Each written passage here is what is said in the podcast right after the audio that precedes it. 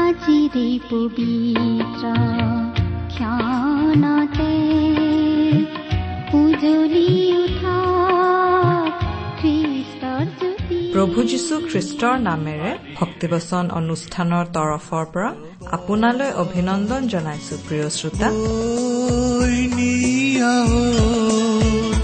জগতৰ পাপৰ ভাৰ পাৰ্য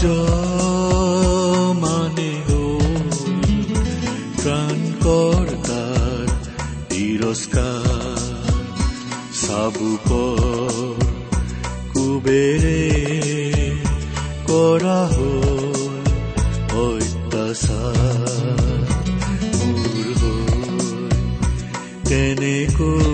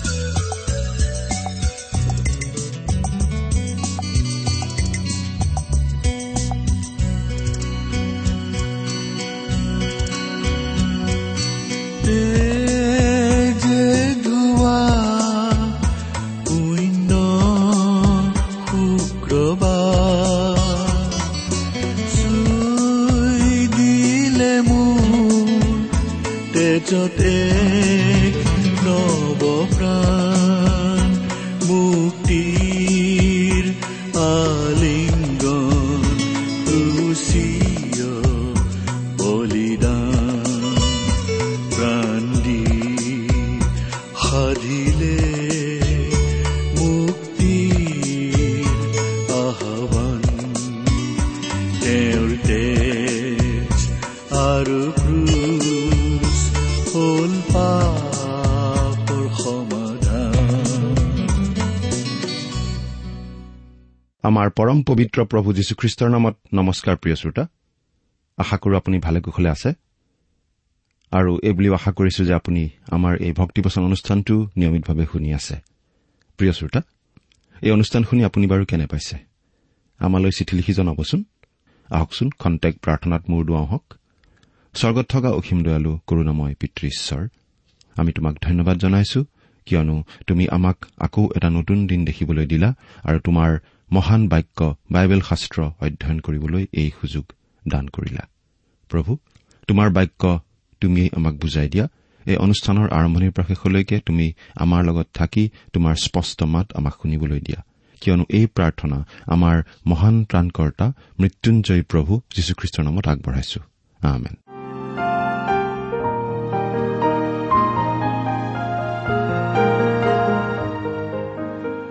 প্ৰিয় শ্ৰোতা আপুনি যদি আমাৰ ভক্তিবচন অনুষ্ঠানটো নিয়মিতভাৱে শুনি আছে আৰু যদিহে আমাৰ আগৰ অনুষ্ঠানটো শুনিছিল তেতিয়াহ'লে আপোনাৰ নিশ্চয় মনত আছে যে আমি যোৱা অনুষ্ঠানত বাইবেলৰ এখন পুস্তকৰ অধ্যয়নৰ সামৰণি মাৰিছিলো। নহয়নে বাৰু? আৰু গতিকে আজিৰ অনুষ্ঠানত আমি অধ্যয়নৰ বাবে বাইবেলৰ পৰা আন এখন পুস্তক হাতত ল'ব খুজিছো। আজি আমি যিখন পুস্তক অধ্যয়ন কৰিবলৈ ওলাইছো সেই পুস্তকখন আপোনালোকে পাব বাইবেলৰ পুৰণি নিয়ম খণ্ডত। ঠিক হিতুপদেশ পুস্তকখনৰ পিছতেই এই পুস্তকখন আছে। আৰু এই পুস্তকখনৰ নাম হৈছে উপদেশক। আৰু ইংৰাজীত এই পুস্তকখন হৈছে এক্লিছিয়াষ্টিছ। অসমীয়াতে কৈছে উপদেশক বুলি। আহকচোন প্ৰিয় শ্ৰোতা আমি প্ৰথমে এই উপদেশক পুস্তকখনৰ লগত অলপ চিনাকি হৈ লওঁ।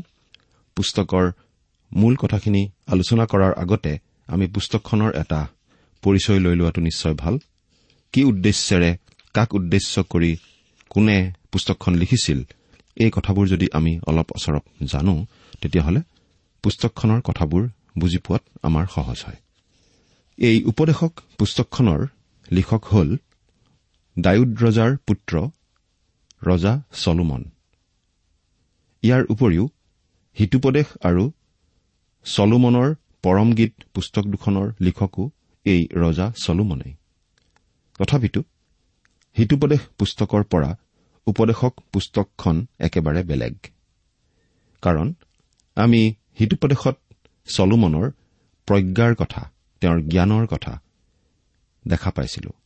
কিন্তু এই উপদেশক পুস্তকখনত হলে আমি চলোমনৰ মূৰ্খামিহে প্ৰথমতে দেখিবলৈ পাম। অৰ্থাৎ চলোমনে যেতিয়া ঈশ্বৰৰ পৰা আঁতৰি আহিছিল আৰু ঈশ্বৰক বাদ দি ঈশ্বৰলৈ পিঠি দি জীৱন কটাইছিল। তেতিয়া তেওঁৰ জীৱনত ঘটা নাটকীয় পৰিৱৰ্তনবিলাকৰ কথা ইয়াত উল্লেখ কৰা হৈছে। চলোমনক আমি ইয়াত উপদেশক বুলিও ক'ম। এই উপদেশকে দাৰ্শনিক শিক্ষক এজনক বুজাইছে আৰু দাৰ্শনিকৰ দৰেই কথাবোৰ কৈ গৈছে। গতিকে বুজিবলৈ আমাৰ বিশেষ কঠিন নিশ্চয় নহ'ব। এইখিনিতে আমি কৈ থওঁ যে বাইবেল শাস্ত্ৰৰ যিকোনো পুস্তক সঠিকভাৱে বুজিবলৈ হলে পুস্তকখন কি উদ্দেশ্যত লিখা হৈছে সেই কথাটো আমি জানি থোৱা দৰকাৰ। তাৰমানে এখন পুস্তকৰ ভিতৰৰ কথা তন্নতন্নকৈ জনাৰ আগতে পুস্তকখনৰ বিষয়ে জনাটো দৰকাৰ।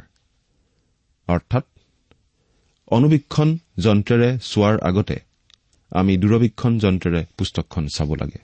আনবিলাক নহলেও উপদেশক পুস্তকখন বাহিৰাকৈ ভালদৰে চোৱা দৰকাৰ কাৰণ ইয়াত ঈশ্বৰৰ নহয় কিন্তু মানুহৰ দাৰ্শনিক চিন্তাধাৰাই কিছুমান সিদ্ধান্তত উপনীত হোৱা দেখুৱাইছে যিবিলাকত আমিও উপনীত হোৱা উচিত।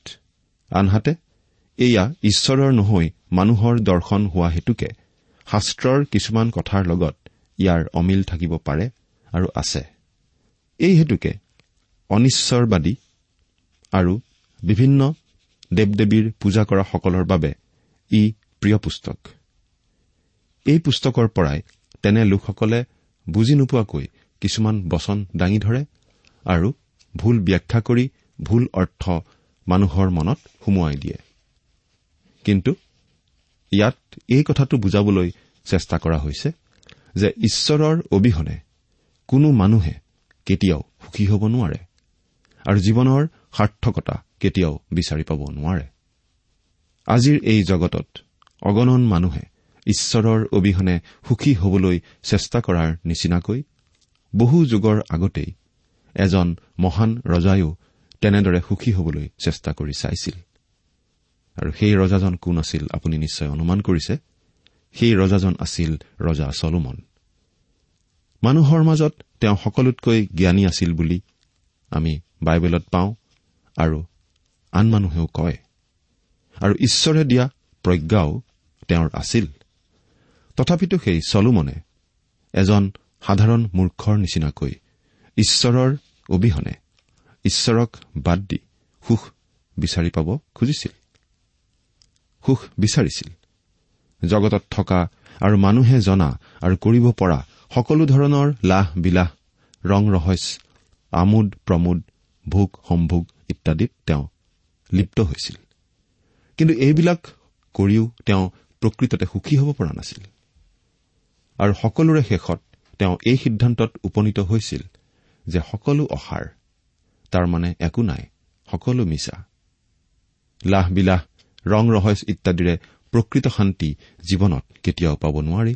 এইবোৰে মানুহৰ আত্মাৰ ক্ষুধা কেতিয়াও দূৰ নকৰে। প্ৰিয় শ্ৰোতা ইউবৰ পুস্তকত দেখুওৱা হৈছে যে ইউবৰ দৰে এজন মহাধাৰ্মিক মানুহো ঈশ্বৰৰ দৃষ্টিত পাপী। ঠিক একেদৰে উপদেশক পুস্তকত এই বুলি দেখুওৱা হৈছে যে চলোমনৰ দৰে এজন মহাজ্ঞানী মানুহো ঈশ্বৰৰ দৃষ্টিত মূৰ্খ। আজি যিসকল মানুহে নিজকে বৰ জ্ঞানী বুলি দাবী কৰি থাকে তেওঁলোকে অৱশ্যে এই কথাটো সহ্য কৰিবলৈ টান পাব। তথাপিতো এইটো এটা অপ্ৰিয় সত্য যে আমি সকলো মানুহ ঈশ্বৰৰ দৃষ্টিত মূৰ্খ। বাইবেলত সেইকাৰণেই কোৱা হৈছে যে মানুহৰ জ্ঞান ঈশ্বৰৰ দৃষ্টিত মূৰ্খামী মাত্ৰ। চলোমনৰ জীৱনৰ নাটকীয় ঘটনাবিলাকৰ যোগেদি আমাক এই শিক্ষাটো দিবলৈ বিচৰা হৈছে যে প্ৰভু যীশুখ্ৰীষ্ট অবিহনে আমি কোনো মানুহেই কেতিয়াও সুখী হ'ব নোৱাৰো। আমাৰ আত্মাৰ হাবিয়াস আমি কেতিয়াও পূৰণ কৰিব নোৱাৰো। আনকি আমি যদি গোটেই জগতখনেই পাওঁ আমি যদি গোটেই জগতখনৰেই অধিকাৰী হওঁ তথাপিতো আমাৰ হৃদয় সন্তুষ্ট নহ'ব। জগতৰ বয় বস্তুৱে আমাৰ হৃদয়খনক সন্তুষ্ট কৰিব নোৱাৰে। কাৰণ হৃদয়খন জগতৰ কাৰণে বৰ বিশাল। পৰমগীত পুস্তকখনত আমি জানিবলৈ পাম যে জগতৰ বস্তুৰ পৰিৱৰ্তে আমি প্ৰভু যীশুখ্ৰীষ্টত সুখী হবলৈ ইচ্ছা কৰো তেনেহলে আমাৰ হৃদয়খন সন্তুষ্ট হ'ব। কাৰণ প্ৰভু যীশুখ্ৰীষ্টৰ মৰম কিমান গভীৰ আৰু পবিত্ৰ তাক আমি জুখিব নোৱাৰো ভাষাৰে বৰ্ণনা কৰিব নোৱাৰো। কাৰণ তেওঁৰ মৰম হৃদয়ৰ কাৰণে বৰ বিশাল। প্ৰিয় শ্ৰোতা এই উপদেশক পুস্তকখনৰ মূল শব্দটি হ'ল অসাৰ। আৰু এই অসাৰ শব্দটো এই পুস্তকখনত সাতত্ৰিশ বাৰ উল্লেখ কৰা হৈছে। আৰু এই উপদেশক পুস্তকখনৰ মূল বাক্যাংশটি হ'ল সূৰ্যৰ তলত। আৰু এই সূৰ্যৰ তলত বোলা বাক্যাংশটি ঊনত্ৰিশ বাৰ উল্লেখ কৰা হৈছে। তাৰমানে সূৰ্যৰ তলত থকা মানুহৰ বুদ্ধি কৌশল চেষ্টা ইত্যাদি যে অসাৰ এই কথাটোকে বুজোৱা হৈছে। প্ৰিয় শ্ৰোতা আমি আগতে পাই আহিছো। যে মহাজ্ঞানী চলোমনৰ জীৱনত নাটকীয় পৰিৱৰ্তন ঘটিছিল যেতিয়া তেওঁ ঈশ্বৰৰ পৰা আঁতৰি আহিছিল। হৃদয়ত সন্তুষ্ট হবলৈ তেওঁ বিভিন্ন কাম কৰি চাইছিল। আমি দেখা পাম যে তেওঁ বিজ্ঞান প্ৰকৃতিৰ নিয়ম জ্ঞান আৰু দৰ্শন আমোদ প্ৰমোদ আৰু ধন সম্পত্তি ধৰ্মীয় ব্যৱস্থা ঐশ্বৰ্য নৈতিকতা ইত্যাদিৰ যোগেদি হৃদয়ক সন্তুষ্ট কৰিব বিচাৰিছিল। কিন্তু ইমানবোৰ চেষ্টাৰ মূৰত তেওঁ এই সিদ্ধান্তত উপনীত হৈছিল যে জগতৰ সকলো অসাৰ। এই সকলো প্ৰচেষ্টা একেবাৰে অসাৰ মূল্যহীন অৰ্থহীন।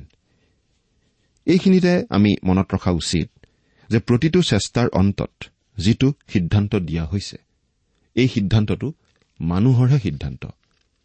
ঈশ্বৰৰ সত্যতাৰ সিদ্ধান্ত নহয়। কাৰণ বাৰে বাৰে কোৱা হৈছে যে সূৰ্যৰ তলত অৰ্থাৎ সূৰ্যৰ তলত মানুহৰ চিন্তাৰে এই যিবোৰ কাম কৰা হয় এইবোৰহে অসাৰ।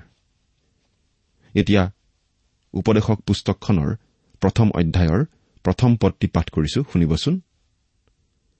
জিৰচালেমত থকা ৰজা ডায়ুদৰ পুত্ৰ উপদেশকৰ বাক্য। প্ৰিয় শ্ৰোতা উপদেশক মানে চলোমনৰ বাহিৰে আন কোনো হ'ব নোৱাৰে। কাৰণ ডায়ুদৰ আন পুতেকবিলাক আছিল যদিও একমাত্ৰ চলোমনহে জিৰচালেমৰ ৰজা হৈছিল। ৰজা হিচাপে ভালদৰে ৰাজ্য চলাবলৈ তেওঁ ঈশ্বৰৰ পৰা প্ৰজ্ঞা বিচাৰিছিল আৰু ঈশ্বৰে তেওঁক সেই প্ৰজ্ঞা বা বিশেষ জ্ঞান দিছিল। আৰু সেইকাৰণে তেওঁৰ দেশখনে উন্নতি কৰিছিল। প্ৰজাবিলাক সুখ শান্তিত আছিল আৰু তেওঁৰ যশস্যা সুখ্যাতি ইত্যাদি দূৰ দেশলৈ প্ৰচাৰিত হৈছিল। ছেবা নামৰ এগৰাকী ৰাণীয়ে দূৰ দেশৰ পৰা তেওঁৰ শিক্ষা ল'বলৈ আহিছিল। কিন্তু তেওঁ যেতিয়া ঈশ্বৰৰ পৰা আঁতৰি আহিল তেতিয়া কথাবোৰ বেলেগ হ'ল। ঠিক একেদৰে জাগতিক মানুহ আৰু ঈশ্বৰৰ সন্তানৰ মাজতো পাৰ্থক্য আছে। ঈশ্বৰৰ সন্তানসকল বিশেষ আশীৰ্বাদেৰে পৰিপুষ্ট। দুই নম্বৰ পদ শুনিবচোন।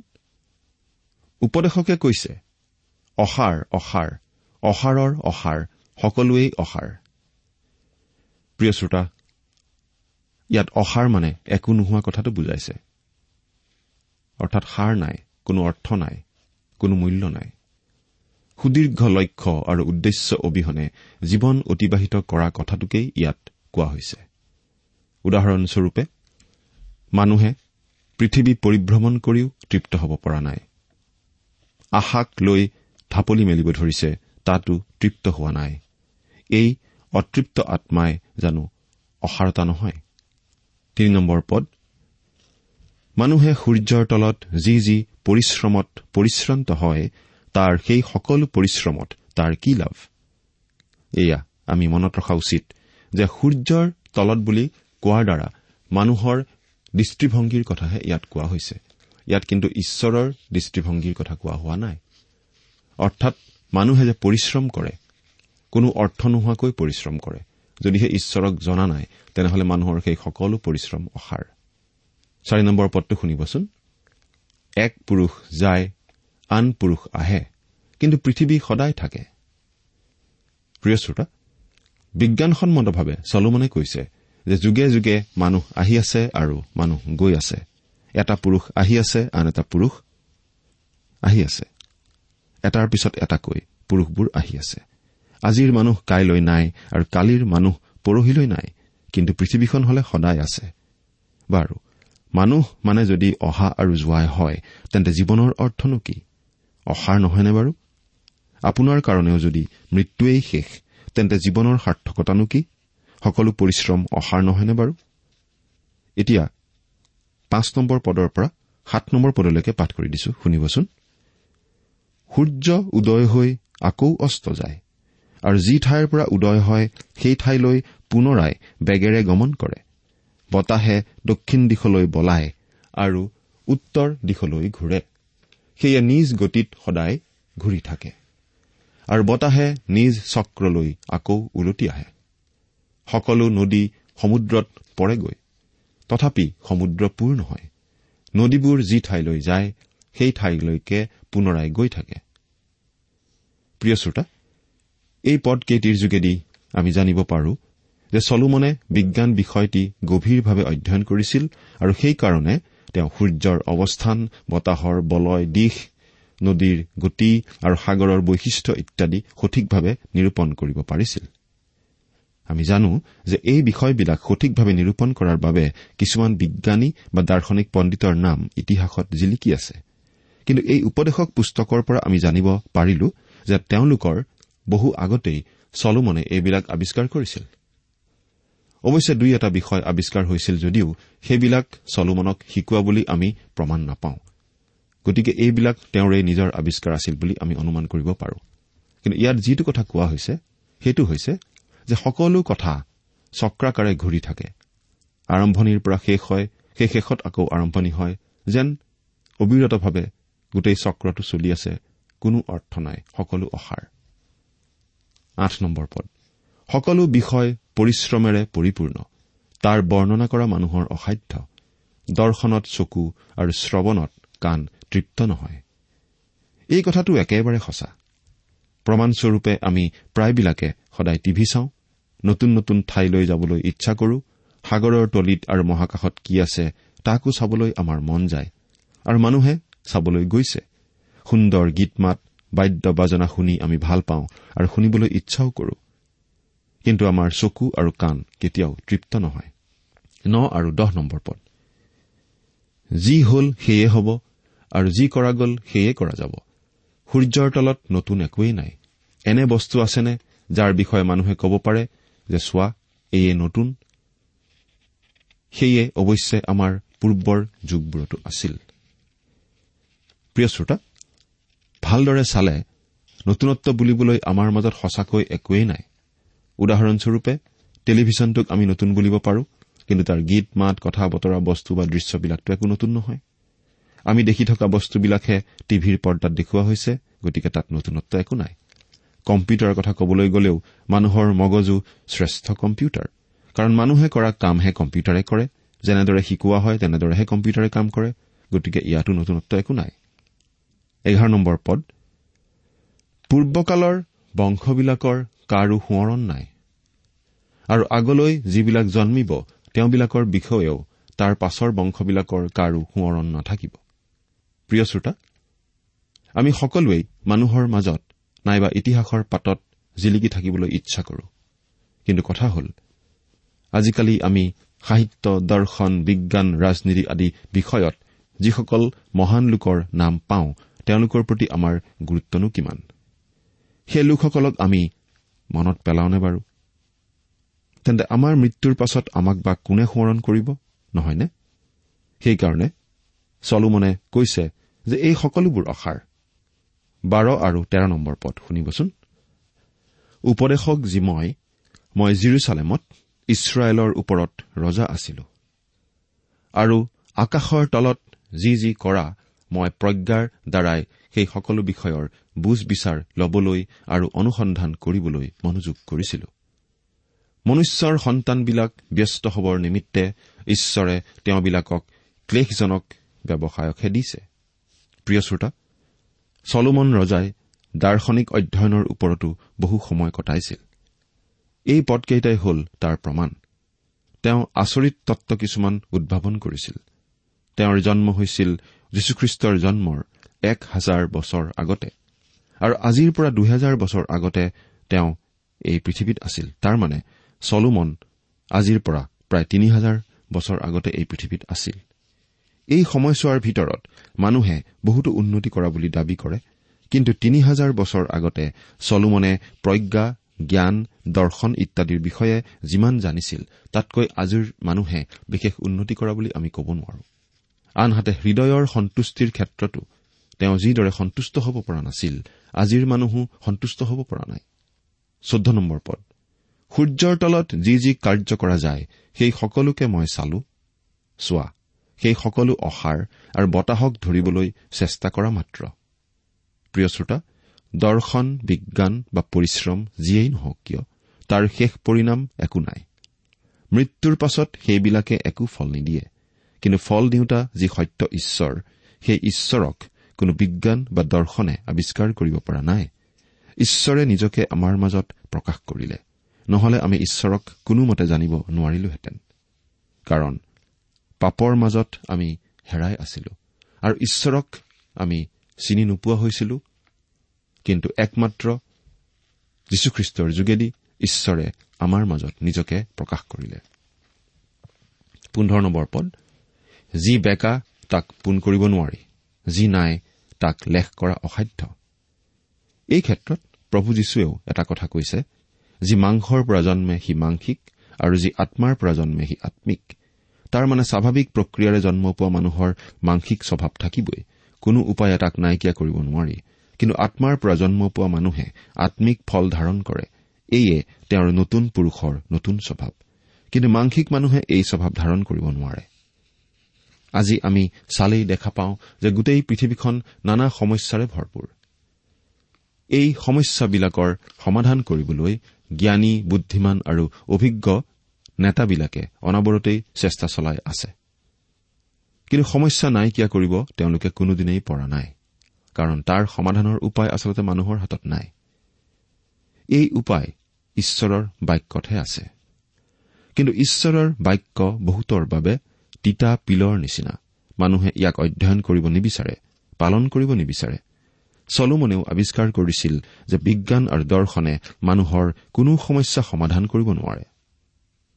ষোল্ল নম্বৰ পদ মই মোৰ হৃদয়ে সৈতে আলাপ কৰি কলো চোৱা মোৰ আগেয়ে জিৰচালেমত যিবিলাক আছিল সেই সকলোতকৈ মই অধিক প্ৰজ্ঞা আৰ্জিলো। এনেকি মোৰ মন প্ৰজ্ঞা আৰু বিদ্যাত পাৰদৰ্শী হৈছে। প্ৰিয় শ্ৰোতা চলোমন জ্ঞান বিদ্যা আৰু প্ৰজ্ঞাত আনতকৈ ওপৰত আছিল সঁচা। কিন্তু সেইবিলাকে তেওঁক অহংকাৰী কৰি তুলিছিল। অধিক বিদ্যাই মানুহক বেলুনৰ দৰে ফুলাব পাৰে। মনত ৰখা উচিত যে বিদ্যা অভিজ্ঞতাৰ ওপৰত নিৰ্ভৰ কৰে আৰু অভিজ্ঞতাক সদায় নিৰ্ভৰ কৰিব নোৱাৰি। অভিজ্ঞতাক সদায় ঈশ্বৰৰ বাক্যৰ লগত আমি ৰিজাই চাব লাগে।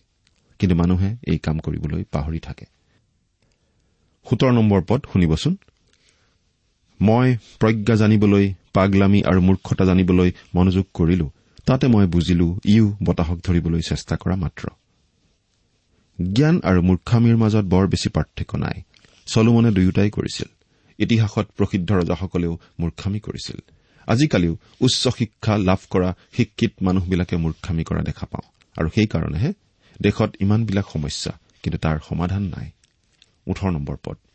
কিয়নো প্ৰজ্ঞাৰ বাহুল্যত মনৰ তাপ অধিক হয় আৰু যিজনে জ্ঞান বৃদ্ধি কৰে তেওঁ দুখো বৃদ্ধি কৰে। প্ৰিয় শ্ৰোতা ই একেবাৰে সঁচা যে জ্ঞান বৃদ্ধি হলেই সুখ শান্তি বৃদ্ধি নহয়। বহুতো অজ্ঞ লোকে হাঁহি ধেমালি কৰি থকা আমি দেখা পাওঁ কিন্তু জ্ঞানীক জ্ঞানৰ বোজাই মূৰত হেঁচা মাৰি ধৰে। সেইকাৰণে কবি এজনে কৈছিল যে অজ্ঞতাই আশীৰ্বাদ আৰু জ্ঞানেই মূৰ্খামী। উদাহৰণস্বৰূপে বিজ্ঞানৰ আৱিষ্কাৰবিলাকে আমাৰ জীৱন বিপদাপন্ন কৰি তোলা নাইনে? যে বন্দুক বাৰুদ গাড়ী মটৰ কল কাৰখানাৰ ধোঁৱা কীটনাশক ঔষধৰ বিক্ৰিয়া ইত্যাদি ইত্যাদি? এইবিলাক কথা চলোমনে হয়তো আগতেই জানিছিল। গতিকে প্ৰকৃততে নতুন বুলিবলৈ একো নাই। এটা মাত্ৰ নতুন বস্তু আছে আৰু এইটো হ'ল ঈশ্বৰৰ আত্মাৰ দ্বাৰা পোৱা নতুন জন্ম। এই নতুন জন্ম পাওঁতাজনেহে ক'ব পাৰে নোপোৱাক বুজাব নোৱাৰি। প্ৰভু যীশুখ্ৰীষ্টক বিশ্বাসেৰে গ্ৰহণ কৰি নতুন জন্মৰ অভিজ্ঞতা লাভ কৰিব পাৰি। আপুনি বাৰু তেওঁক গ্ৰহণ কৰিছেনে? চিন্তা কৰি চাওকচোন। ঈশ্বৰে আপোনাক আশীৰ্বাদ কৰক।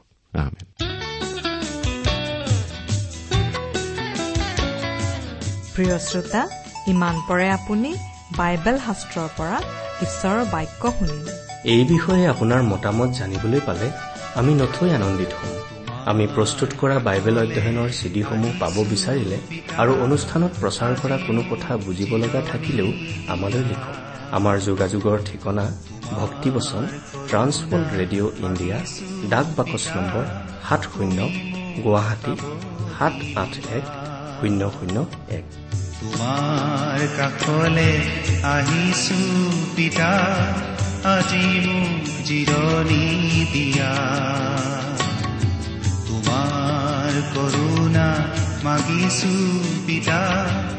ঠিকনাটো আকৌ এবাৰ কৈছো ভক্তিবচন ট্ৰান্স ৱৰ্ল্ড ৰেডিঅ' ইণ্ডিয়া ডাক বাকচ নম্বৰ সাত শূন্য গুৱাহাটী সাত আঠ এক শূন্য শূন্য এক।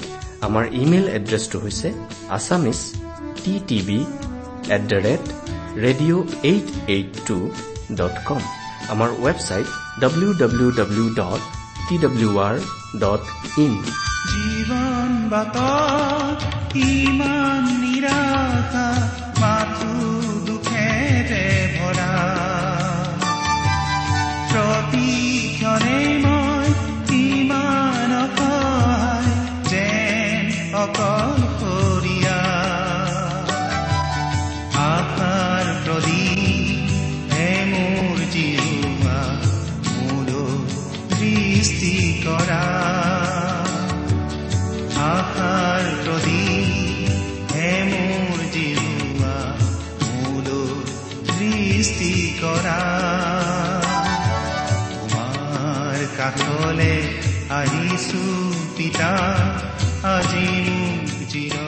আপুনি টেলিফোনৰ মাধ্যমেৰেও আমাক যোগাযোগ কৰিব পাৰে।